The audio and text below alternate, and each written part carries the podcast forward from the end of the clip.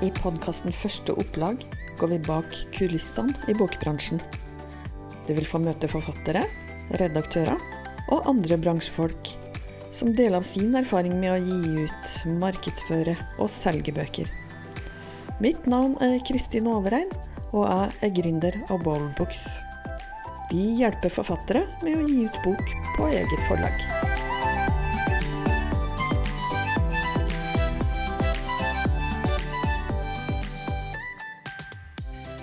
I denne episoden skal vi få møte den som faktisk hadde Norges mest solgte sakprosabok i første halvår 2022. Øystein Pølsa Pettersen, velkommen hit. Ja, takk for det. Jeg, jeg smiler når du sier det, da, for det er sånn jeg sitter og tenker sånn Det er jo helt Det er helt tullete. Og eh, jeg antar at siden jeg tenker «Hm, det var litt overraskende, så er det sikkert flere som tenker hm, det var litt overraskende, men det er veldig hyggelig. Veldig hyggelig at det gikk så fint med boka, og veldig hyggelig å være her. Så takk for det. Du så nesten litt overraska ut da jeg sa det, nesten som du ikke trodde, trodde det helt sjøl. jeg har fått blitt det fortalt. Da. Jeg, jeg må være ærlig og si at jeg følger ikke så innmari med på sånne lister og, og sånne ting. Jeg visste jo ikke at det fantes noe som f.eks. het Boklista. Ja. Før jeg hadde skrevet bok og redaktøren min fortalte at du, vi er liksom vi, vi, er på topp på boklista. Sånn eh, boklista, hva er det for noe? Men så har jeg da skjønt i ettertid at det er jo det samme som VG-lista for, eh, for, artister, og at det er eh, at det er veldig stas å være der, men også et, et bevis på at man har gjort et godt stykke arbeid, og det er veldig kult. Mm. Fordi det er vel kanskje sånn at uh, du har ikke vært så inne i den der bokverden før. Det er jo idrettsverden hvor du har hatt din arena. Og folk eh, flest kjenner deg jo som eh, skiløper. Ja, det stemmer nok. Jeg er i hvert fall ikke eh, Jeg har aldri skrevet eh, mye. Jeg har alltid vært glad i språk, men aldri vært liksom, aldri skrevet noe. Jeg må være ærlig og si at jeg hadde ikke jeg hadde ikke noen planer om å skrive bok heller, men så eh, Det er litt artig, fordi at jeg eh, Den boka, den første boka jeg skrev da, Nå har jeg skrevet to bøker, men den første boka jeg skrev, den, eh, den begynte jeg å skrive i påsken. Eh, over et glass eh, rødvin. Eh, fordi ja. at jeg hadde en kunde Jeg jobber med folk nå, jobber med mennesker. og så hadde jeg en kunde som lurte på om jeg hadde et slags dokument som da de folka jeg jobber med, kan på en måte bruke så de ikke glemmer det vi har snakka om. Og så begynte jeg å skrive litt i påsken. Det greit, jeg skal lage det til dere. Og så, når jeg først satte meg med det glasset med vin der, så syntes jeg for det første var fryktelig moro. Og så kjente jeg fader, dette er jo eh, Her er jo masse på hjertet. Dette blir et langt dokument. Og så, i løpet av den påsken, så, så skrev jeg 40 000 ord jeg satt oppe eh, på kveldstid, eh, sto opp tidlig om morgenen, og så var jeg ute med flokken midt på dagen og, og bare skreiv. Syntes det var sånn at det bare rant ut av meg. Og når jeg var ferdig, eh, når påsken var ferdig, så tenkte jeg fadderen, jeg lurer på om jeg driver og skriver på bok, jeg. Og så sa jeg ikke til kona mi at jeg skulle skrive bok før jeg hadde på en måte formalisert uh, samarbeidet med, med Agathe Skappel i, i Skappel Books, da, og liksom dette blir en bok. Mm. Så det var sånn det begynte. Jøss, yes, du visste ikke at du skrev en bok før, du hadde, før den nesten var ferdig? Nei, fordi at jeg uh, Jeg har aldri tenkt tanken på at jeg skulle skrive en bok. Uh, og så har jeg heller aldri tenkt at jeg er typen til å skrive en bok, ikke sant. vi er jo mm. verdensmestere i oss å Eh, definere framtida vår med hukommelsen. ikke sant? Og jeg har aldri vært en type som skriver bøker, eh, så derfor så er vel ikke jeg typen til å skrive bøker heller. Men eh, så spre, sprengte jeg den båsen, og så blei det, ble det først en bok, og så blei det en bok til. Og jeg kommer helt sikkert til å skrive en bok igjen. Det gjør jeg. Ja, så bra. Men vi må ta et steg tilbake. For du sa du hadde en kunde. Og for de som er skiinteresserte og husker deg med OL-gull osv., så, videre, så så skjønner ikke de nå hvorfor du har en kunde. Er det noen du har vært skitrener for, eller hvilken type kunde var det her? Ja, det er bra du stopper meg, da. Jeg, jeg blir ivrig. Nei, altså, jeg, jeg, har gått på ski hele livet. Jeg har drevet med, med idrett, er en idrettsgutt. Eh, jeg var på landslaget ganske mange år, og så i 2014 så datt jeg ut av landslaget fordi at jeg var blitt for dårlig. Jeg gjorde litt for dårlig stykke jobb, og konsekvensen av det er jo ofte at resultatene blir dårlige, og i toppidretten så ender det ofte opp med at man får sparken, rett og slett. Um, og så uh, skjerpa jeg meg, rett og slett. Skjerpa meg. Jeg begynte å trene godt igjen og gjøre det som skulle til, og så begynte jeg å prestere godt på ski. Så da, fra 2014 og fram til 2019, så drev jeg med langløp og var ganske god til å gå langløp. 2019 var nok min beste sesong. Jeg tror jeg var på mitt aller, aller beste som idrettsutøver. Men så plutselig så eh, mista jeg på en måte meninga med det jeg holdt på med. Jeg, jeg, brydde meg ikke om jeg vant eller om jeg ble nummer ti. Og da fant jeg ut at nei, men da, da gir vi oss nå mens leken er god, og så ja. finner vi noe annet å gjøre. Og da Eh, selvfølgelig en haug av tilfeldigheter, men da fikk jeg lov til å begynne å jobbe med Jeg begynte så smått med å holde noen foredrag, og så fikk jeg lov til å utvikle eh, den type jobbing til å både holde foredrag, holde det eh, næringslivet ofte kaller for workshops, men som jeg ikke kaller for noe annet enn å jobbe. Eh, og så har jeg fått også lov til å følge en del eh, folk folk som har en jobb, ofte i en bedrift, over tid. Så er, når jeg snakker om kunder, så er det da folk jeg har jobba med over tid. Eh, ofte da i næringslivet, da, men det er jo folk jeg jobber med. Så det var det som var liksom eh, Ja, en lang historie veldig kort, så var det det som gjorde at jeg slutta på ski, og at jeg begynte å jobbe med det jeg jobber med i dag. Den, så det var næringslivsfolk du hadde som kunder, som du holdt foredrag for og jobba sammen med? Jeg har aldri truffet næringslivsfolk, men jeg har truffet veldig mange folk. Men veldig mange av disse påstår de jobber i næringslivet, men næringslivet har jeg aldri hatt æren av å møte, dessverre. Så du, du, er mest opptatt av enkeltmennesket oppi dette? Ja, jeg er innmari glad i mennesker. Jeg har fått æren av uh, å møte innmari mange mennesker, og det tror jeg kanskje de fleste har, da, men jeg, jeg, jeg innbiller meg at jeg har truffet flere mennesker enn de fleste gjennom at jeg har uh, reist ganske mye. Uh, gjennom at jeg har uh, vært på veldig mange ulike arenaer, og gjennom at veldig mange har visst hvem jeg er. Mm. og det har gjort meg genuint nysgjerrig på folk, men også liksom på, på, på ulikhetene våre. ikke fra et sånt moraliserende og bedømmende standpunkt, men bare fra et nysgjerrig standpunkt. Og så har jeg sett at det, og det er jo det jeg jobber med nå, da. Det er også det jeg skriver om i boken, bøkene mine. At det liksom det derre det å få til, uansett hva det er du har lyst til å få til, om det er å få hverdagen til å gå i hop, om du har lyst til å bli olympisk mester, om du har lyst til å gjøre det bra på, i, innenfor arbeidslivet, eller det ene eller andre mekanismene der sånn, de er jo helt like. Mm. Eh, innholdet i mekanismene, ja, de er litt ulike, men mekanismene bak det å få til noe, de er helt like. Så det, det har latt meg fascinere av, og det Veldig mange har spurt meg sånn for eksempel hvordan hvordan skrev du en bok? Mm. Og så ser vi at det er akkurat den samme oppskriften som å bli olympisk mester. Det er, det er akkurat det samme uh, du må gjøre. Og det handler jo veldig ofte om å trykke i, i, bokform, da. Så handler det ofte om å trykke på tastatur nok ganger til at det danner ord. Ganske mange ord av gangen. Og få noen til å sjekke at det du gjør, faktisk er bra. Og så sender du av gårde. Det er, det er liksom Det er så enkelt. Uh, jeg sier ikke nødvendigvis at det ikke er krevende å gjennomføre, men mekanismene her er ganske enkle. Mm.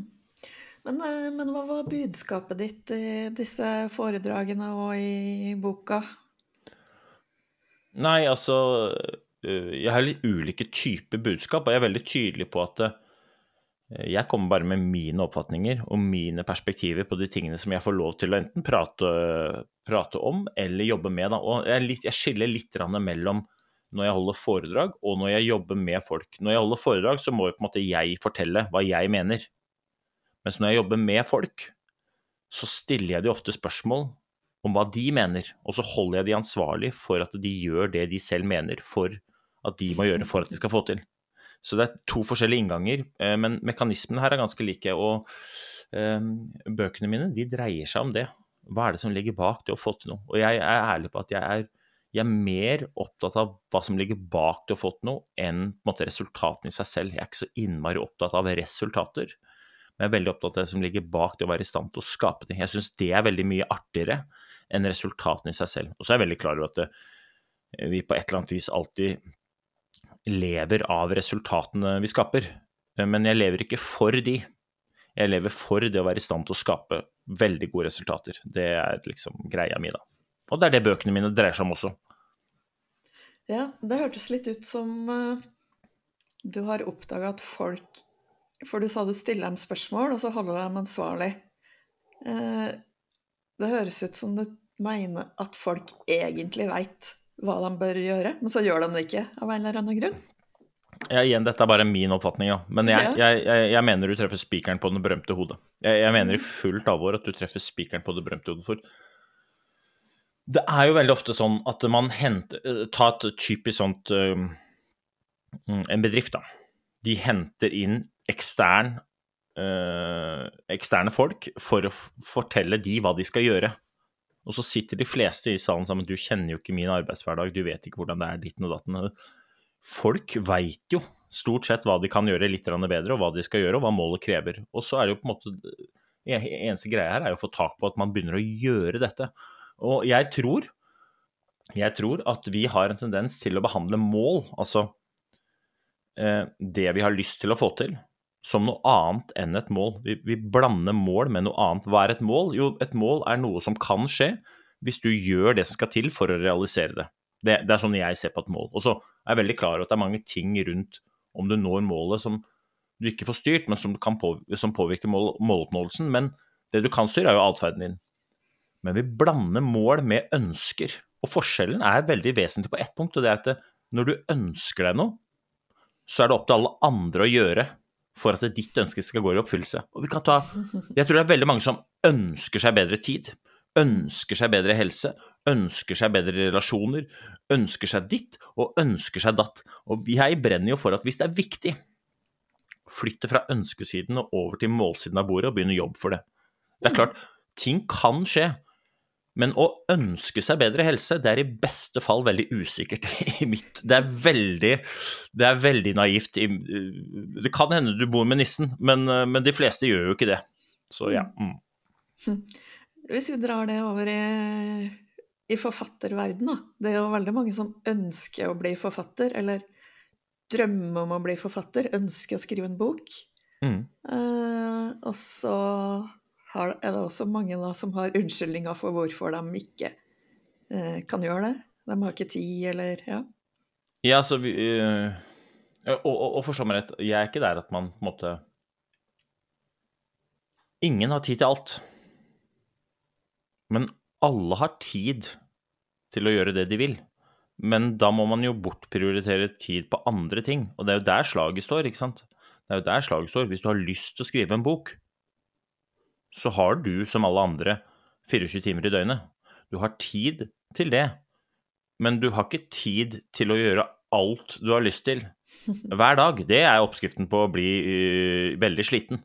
Uh, så her må man på en måte skille. Så skal man, noen har gode forklaringer på hvorfor ting ikke går, men det er forskjell på forklaring og en unnskyldning. En unnskyldning er det er vanskelig for meg, for jeg pleier ikke å gjøre det sånn, eller det er for krevende, eller jeg kan ikke, eller Jeg, Øystein Pettersen, er ikke noen fyr som skrev tenkte at jeg skal falle Jeg er god til å skrive bøker.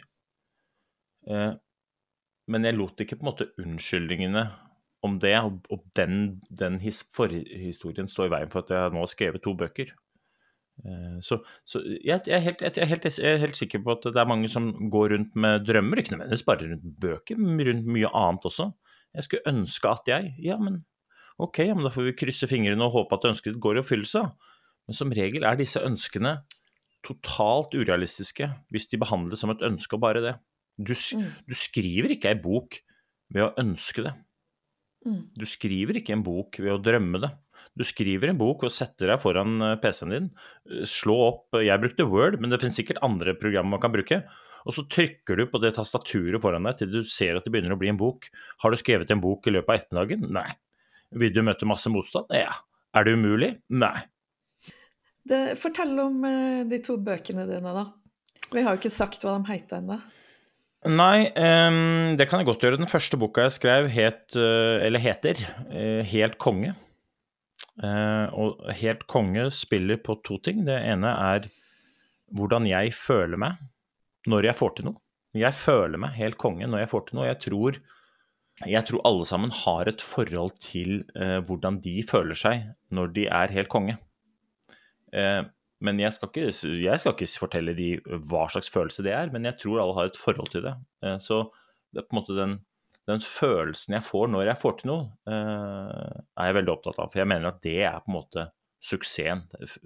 Suksessen er ikke antall solgte bøker, men suksessen er hvordan jeg føler meg rundt å ha gjort et godt stykke arbeid. Det er det ene. Og det andre er jo da at helt konge er Konge er et akronym på hvordan jeg angriper eh, hverdagens små eller store utfordringer, men også mål eller drømmer jeg har lyst til å realisere for å få til, og dermed da føle meg helt konge. Så det, den første boka den dreier seg om hvordan jeg jobber for å få til, og så tar den også et, et oppgjør med det jeg kaller for uh, suksessbegrepet, samfunnets syn på suksess, hvor vi ofte ser hverandre for medaljer, staffasje, titler, det ene og det andre. og Det er derfor jeg sier at jeg er ikke jeg er veldig glad i gode resultater, men jeg brenner mest for det som ligger bak til å skape de. Og eh, om du lykkes eller ikke, det ser ikke jeg på resultatene dine, Kristin. Det ser jeg i fargen på kinna dine. Jeg ser i øya dine. Jeg merker på energien din. Det er mange som har på papiret dårlige resultater i samfunnets skala, men som stråler, og som føler seg helt konge. Og det er jeg opptatt av at spesielt ungdom da får tak på, fordi at vi har en tendens til å tenke at det, utsagnet om at du kan bli hva du vil, handler om at du kan bli prinsesse eller rockestjerne eller eh, olympisk mester. Men det betyr ikke det. Det betyr du kan bli det du vil. Og hvis du vil bli noe helt annet som ikke samfunnet nødvendigvis ser på som veldig suksessrikt, så kan det være helt konge for deg. Drit i hva alle andre mener, og så kjører du av gårde. Så det er egentlig det den første boka handler om. Ehm, den andre boka, den skrev jeg eh, Og den er litt sårere. Den er, jeg mener den er enda bedre. Uh, litt fordi at det, det er da hadde jeg skrevet en bok fra før, så da måtte, kunne jeg jo litt mer om å skrive en bok.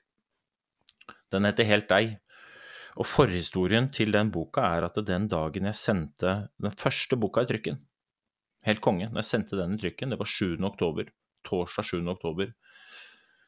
Eh, når jeg hadde sendt den boka i trykken, så satte jeg meg på sykkelen, og så sykla jeg meg en tur. Og på den sykkelen så fikk jeg faktisk hjerneblødning.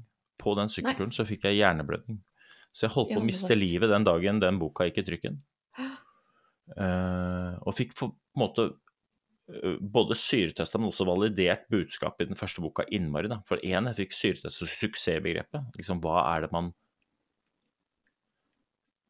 hva er det man faktisk verdsetter når man er i ferd med å miste alt? Hva er det du er redd for å miste? Og det handler jo ikke om olympiske gull, det handler jo stort sett mm. om tid, relasjoner mm. og muligheten til å være sammen med folka du bryr deg om.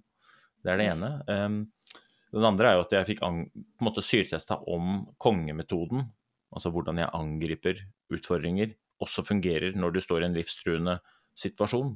Det gjør det i aller høyeste grad. Men jeg overlevde heldigvis um, den hjerneblødninga. Og så hadde jeg masse mer på hjertet som jeg hadde lyst til å fortelle mine barn. Spesielt mine barn. Ikke sant? Jeg mm. hadde lyst til å fortelle. Men en del av det budskapet er de ikke gamle nok til å forstå.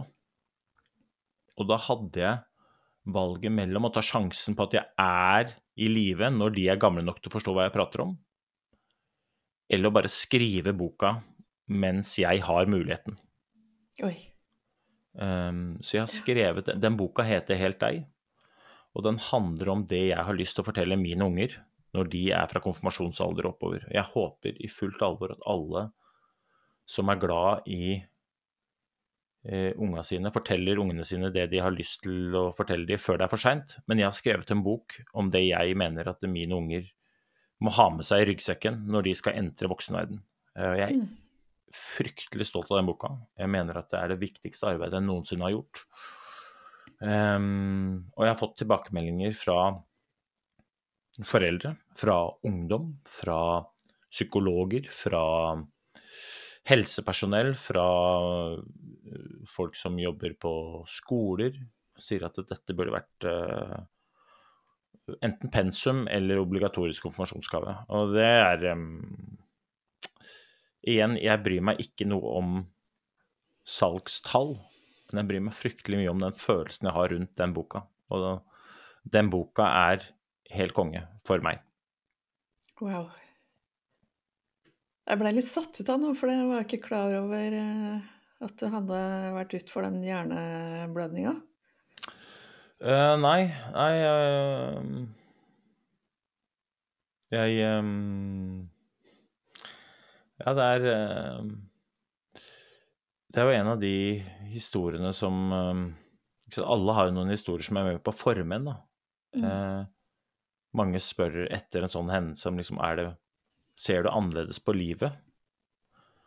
Eh, og så er det et spørsmål som jeg syns er litt artig, for jeg tror ikke det er noen som tror at man får noe slags eureka av å få en hjerneblødning. Jeg tror heller ikke at det er en slags forståelse der ute at man blir mye smartere av å få en hjerneblødning.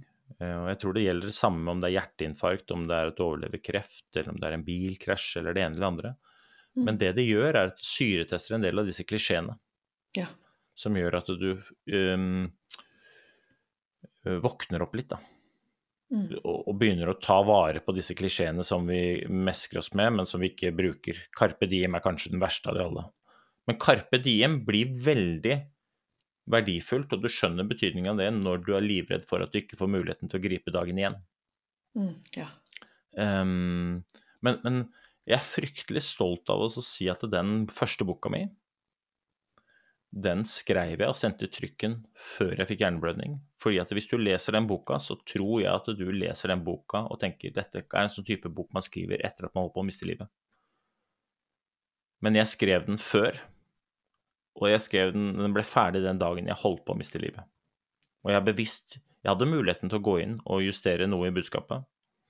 Jeg gjorde ikke det. Men til alle som forhåndsbestilte, og det var ganske mange, lurer på om det var 5000 jeg, som forhåndsbestilte den boka, eh, så, så la jeg ved et brev. Et av de mest personlige brevene jeg noensinne har skrevet eh, til leserne, eh, hvor jeg skrev om hendelsen, om hva som skjedde den dagen den boka de holdt i hånda, eh, gikk i trykken, eh, og om at jeg skulle skrive en ny bok. Og det har jeg gjort. Og Mm. ja. Oi. Oh, Og da deler jeg på en måte I Helt deg, da, så det er, det er en bok jeg, jeg, jeg, sier at den er skrevet retta mot de unge.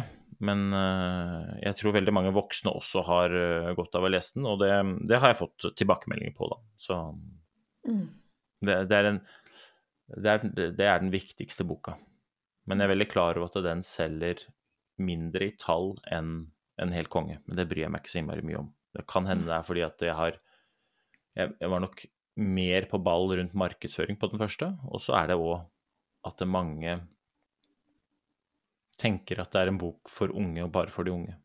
Og den er skrevet retta mot de unge, men jeg, mekanismene eh, gjelder for alle. Mm. Folk har jo forskjellige motivasjoner med å gi ut en bok, og for mange så er det jo å etterlate seg noe for ettertiden også. Eh, og det var kanskje det du gjorde med den siste. Etterlate deg noe som Hvis du mot formodning ikke skulle være her, så ville barna dine få en spesiell gave. Ja, altså det er nok eh, en I hvert fall en del av sannheten. Det er nok det. Liksom, det er akkurat det der også jeg, jeg, jeg fikk jo muligheten til da, å ligge og reflektere litt over er det noe jeg burde fortalt ungene mine som ikke har fått gjort.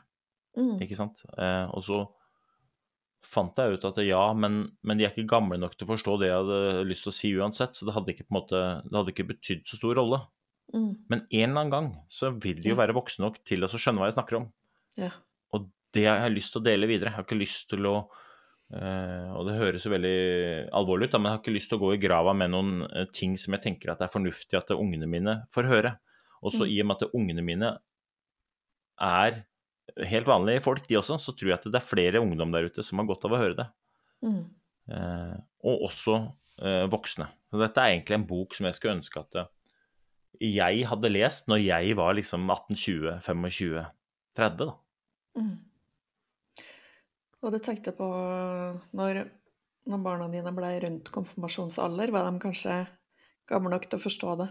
Um, Så du har jo begynt å rette deg Ja, du, du var retta mot næringslivet først, som du ikke hadde snakka med direkte. Men, eh, men nå er det mot ungdommer, og da bruker du forskjellige kanaler, som TikTok.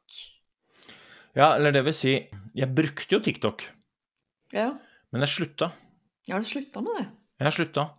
Og grunnen til at jeg har slutta, er tid. Ja. Det tok så mye tid. Mm. TikTok er et fantastisk medium som treffer veldig mange. Men eh, det dumme med TikTok er at det, det sluker tid. Mm. Eh, og eh, veldig mange av de videoene som jeg la ut på TikTok eh, Hvis jeg skulle forklare konteksten ordentlig, så ble de så lange at ungdommen eller folk ikke gadd å se på det. Og hvis jeg la det, gjorde det veldig kort, så ble det så kort at folk ikke forsto konteksten, og så måtte jeg i ettertid gå inn og fortelle konteksten. Oh, ja. Og, og det var et sånt Det ble en balansegang hvor jeg da til slutt fant ut at nei, eh, dette har jeg ikke lyst til å bruke tida mi på. For tid Mm. er den viktigste ressursen jeg har. Jeg gidder ikke Mm. å si jeg har ikke tid til ting som er viktigere for meg enn å være på TikTok. Mm. Så jeg, jeg sletta appen, eh, og så bruker jeg andre medier. Så jeg bruker, jeg bruker jo Instagram ganske mye. Og så bruker jeg LinkedIn for å treffe det litt eh, eldre publikummet. Eh, kanskje retta litt mer mot det berømte næringslivet der, altså. Og så eh, har jeg da skrevet den, den boka der, der tok jeg i bruk video som virkemiddel. For jeg er veldig klar over at ungdommen ikke nødvendigvis leser mer og mer for hvert år som går. Men de bruker veldig mye mobil, så jeg laga videoer, 30 videoer. Gjemte de bak QR-koder som ligger i boka, så de vet at de ungdommene som ikke kan, vil, orker, gidder å lese, kan gå inn, og så kan de få med seg boka gjennom å bruke bare mobilen. Skanne. Skanne en QR-kode, og det er det noe ungdommene er gode på, så er det i hvert fall også sj- være nysgjerrig. Så de kan skanne, og så står jeg og forteller, og, og, det var en mer effektiv måte enn å bruke TikTok, da. Mm.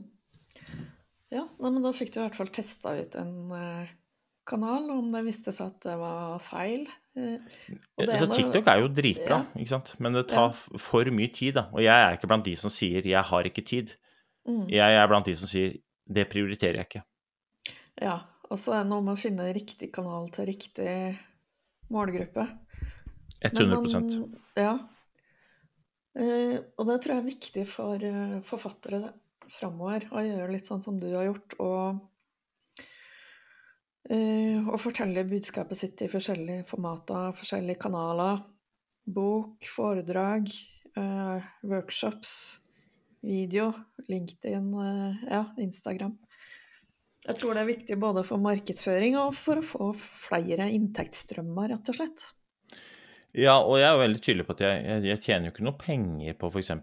LinkedIn eller Instagram eller, eller podkast for den saks skyld, men, men det du gjør, er jo akkurat det du sier. da? Du gjør deg selv synlig, sånn at folk kanskje Mm. eh, blir nysgjerrig på budskapet ditt, blir inspirert av budskapet ditt, eller blir provosert av uh, budskapet ditt. Og så kan det føre til at noen leser boka, enten at de kjøper den, eller at de låner den på biblioteket.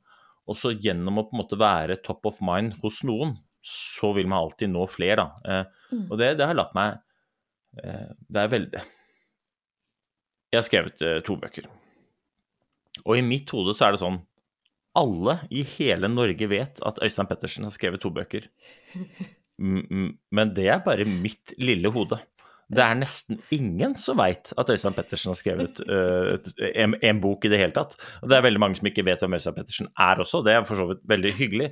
Men liksom, man må ikke være redd for å tenke at øh, folk uh, veit at du har skrevet en bok, uh, for det gjør de ikke. De har ikke peiling. Folk er opptatt med seg og sitt, og vi er dessverre eh, skapt et samfunn hvor de fleste har mer enn nok med å holde følge i hamsterhjulet. Så de har ikke fått med seg at du har skrevet en bok. Og hvis du har skrevet en bok som du er stolt av, ikke vær redd for å si det da, til omverdenen. Gjerne tusen ganger. Så kanskje er det noen som får det med seg. Ja. Ja, det handler om å være synlig og gjenta budskapet og bygge, bygge et publikum. Det tror jeg. Eh, Eller eh, det er jo på en måte sånn Det kommer litt an på hva som er målet med boka, da. Hvis du har bare lyst til å skrive bok for deg og dine, og at du skal si 'fadder'n, dette var jo moro', Mm. så er det helt greit. Men hvis du har lyst til å på en måte at flest mulig skal få øynene opp for boka di, så da slår jeg et slag for å så om du kaller det for markedsføring, eller om du kaller det for, bare for å snakke om boka di. Eh, det er jo to sider av samme sak, men det ene er jo litt mindre eh, Det er litt lavere terskel for å snakke om boka enn å drive med markedsføring. Mm. Men det er det samme. Ja. Jeg fikk litt lyst til å spørre deg hva var det som gjorde at du valgte å gi ut den boka sjøl på eget forlag, og ikke prøve å få den ut gjennom et, et av de store forlagene, du som har et kjent navn og greier? Ja, det der er jo gøy, da. Altså eh, Da må vi tilbake til hvordan begynte du å skrive bok? Jeg begynte å Mm. skrive en bok uten å vite at jeg begynte å skrive en bok, over et glass rødvin i påsken oppe på en flott eh, bygd som heter Skåbu. Um, og så skrev jeg jo Jeg skrev ikke hele boka ferdig, det gjorde jeg ikke, men jeg skrev 40 000 ord i løpet av den påsken. Og så tenkte jeg hm, ja, men dette er jo en bok, tror jeg. Men jeg vet ikke. Og Så sendte jeg den, sendte jeg det jeg hadde skrevet, til de ulike forlagene. Og så fikk jeg eh, veldig, veldig hyggelige tilbakemeldinger på det jeg hadde skrevet, og vel, fikk bekrefta det jeg trodde. Dette er en bok. Og så kan ikke jeg noen ting om bokbransjen. Så jeg tenkte at ja, men man må, man, hvis man skal gi ut bok, så må man gå til forlagene, og så får man gitt ut bok. Og hvordan er det dette fungerer? Ja. Og hva er det dere hjelper meg med, og hva er det på en måte som står i veien mellom meg og en bok? Eh, og det de fortalte meg, var jo egentlig ting som jeg allerede visste, og jeg opplevde at eh, vilkårene for meg som forfatter var litt for dårlig i forhold til den mengden innsats jeg la ned, og i forhold til den betydningen forlaget hadde. Jeg sier ikke at forlagene var dårlige, jeg bare sier at jeg likte ikke helt betingelsene. Mm. Og så hører det med til historien at jeg skrev en bok om å få til. Ja, ja, det gjør jo det. Så tenkte jeg sånn Kanskje jeg bare skal vise hvordan man får til gjennom å bruke min egen metode på å skrive denne boka, gi det ut sjøl, drite i hva alle andre sier. Si, vet du, dette her kan jeg. Ikke Ja. fordi at jeg har skrevet bok, men mekanismene bak det å gi ut en bok er helt like det å bli olympisk mester eller noe helt annet. Nå skal jeg vise at dette flyr. Så jeg bare lærte meg hva er det et forlag gjør. Hva er det man trenger, hva er det man må få hjelp til, hva er det du kan selv som du bare må begynne å bruke. Og så ringte jeg til eh, forlagene, og så sa jeg, vet du, eh, tusen hjertelig takk for eh, muligheten. Eh, jeg velger eh, å ikke ta dette personlig, men jeg velger å gjøre det sjøl. Ja. Eh, jeg, jeg skal gjøre dette selv. Og så kontakta Jeg var jo veldig klar over at jeg trenger, man trenger jo hjelp. Det er ingen, ingen som får til noe fantastisk helt aleine. Mm. Eh, så jeg, jeg trenger jo hjelp. Men så gikk jeg inn, og så er det jo bare å bruke Google, da. Finne dyktige eh, redaktører som jobber, eh, eh, jobber selvstendig, og det finnes jo masse av. Mm. Finner du språkvasker, finner du korrekturleser, finner du designer, og så syns jeg det var fryktelig moro. Så da kom jeg i kontakt med bl.a. Agathe Skappel, som var redaktøren min, og hun eh, har jo blitt eh, Hun er ikke Jeg ser ikke på Agathe Skappel som redaktør lenger, jeg ser på henne som en god venn. Ja. Eh, og hun var også i startfasen. Tenkte jeg, men det er greit. Nå skal vi bygge eh, deg. Skal vi bygge meg? Skal vi skrive bok? Skal vi gjøre det skikkelig moro? Så får vi se hvordan det går. Så, så det var egentlig greia, da. At jeg eh, likte ikke betingelsene. Eh, og syntes det var litt moro å utfordre de vedtatte sannhetene. For det var veldig mange som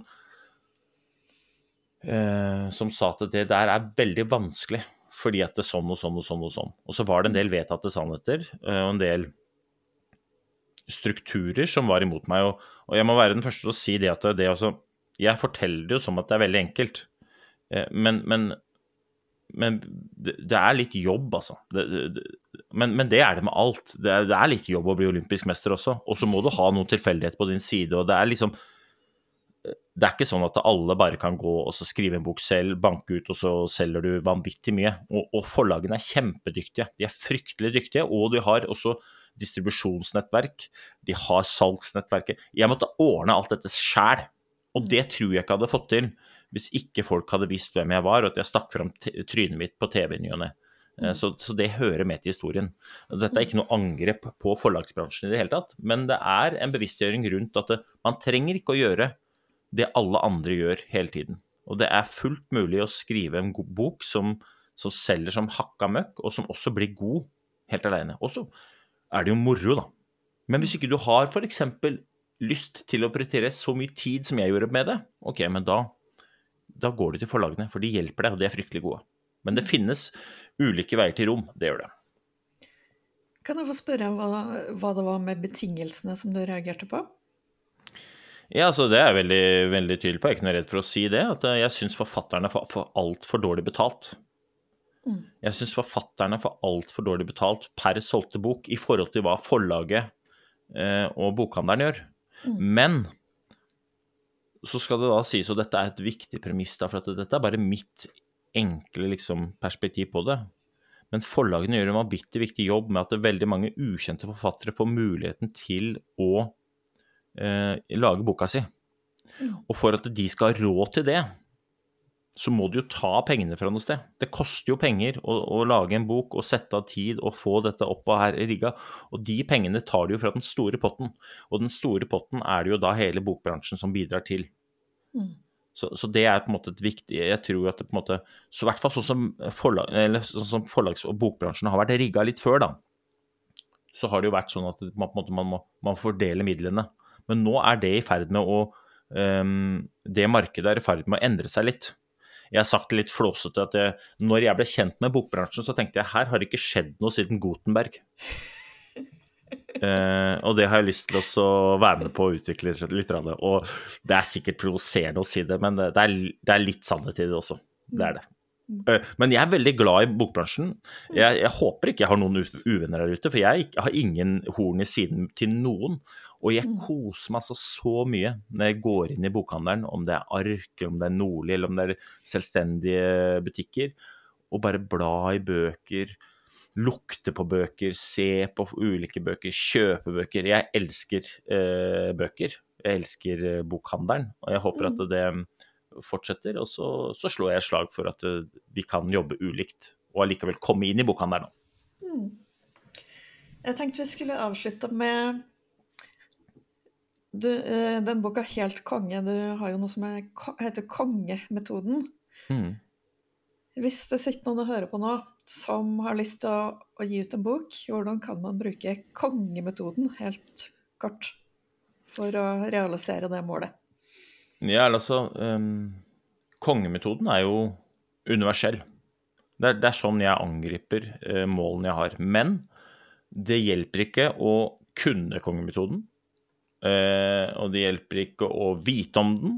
Eh, det eneste som hjelper, det er jo faktisk bruke den. Eh, gjøre.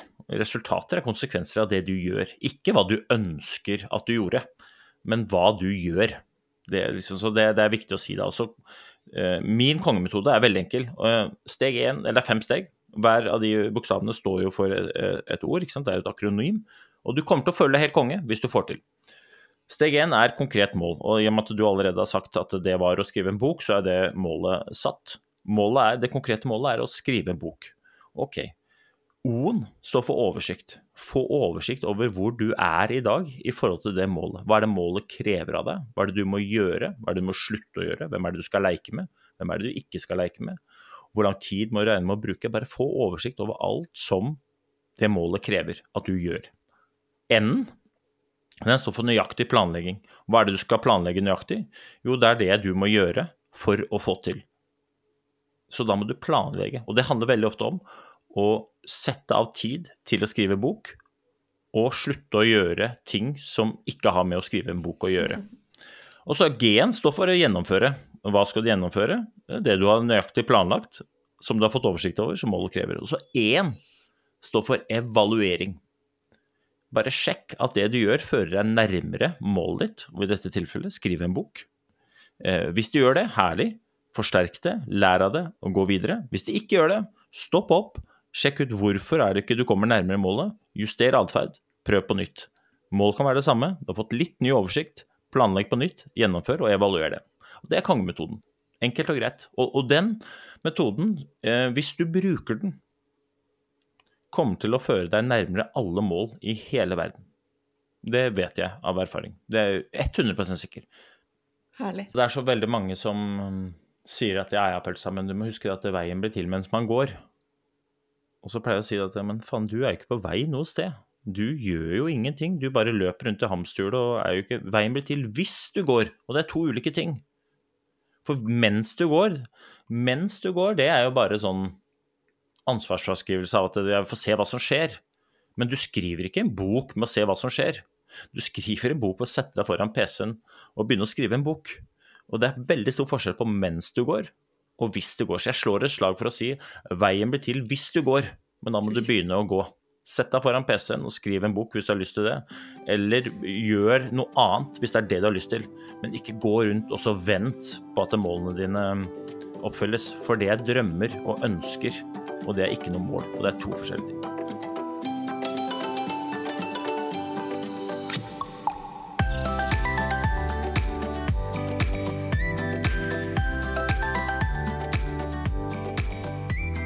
Du har hørt en episode av Første opplag, en podkast produsert av Bowlbooks. På bowlbooks.com kan forfattere få direkte tilgang til eksperter i alle deler av bokprosjektet. Alt fra redaktør og korrektur til bokdesign og trykking. Forfatteren investerer i kvalitet og beholder full kontroll og alle rettigheter og inntekter av sin egen bok.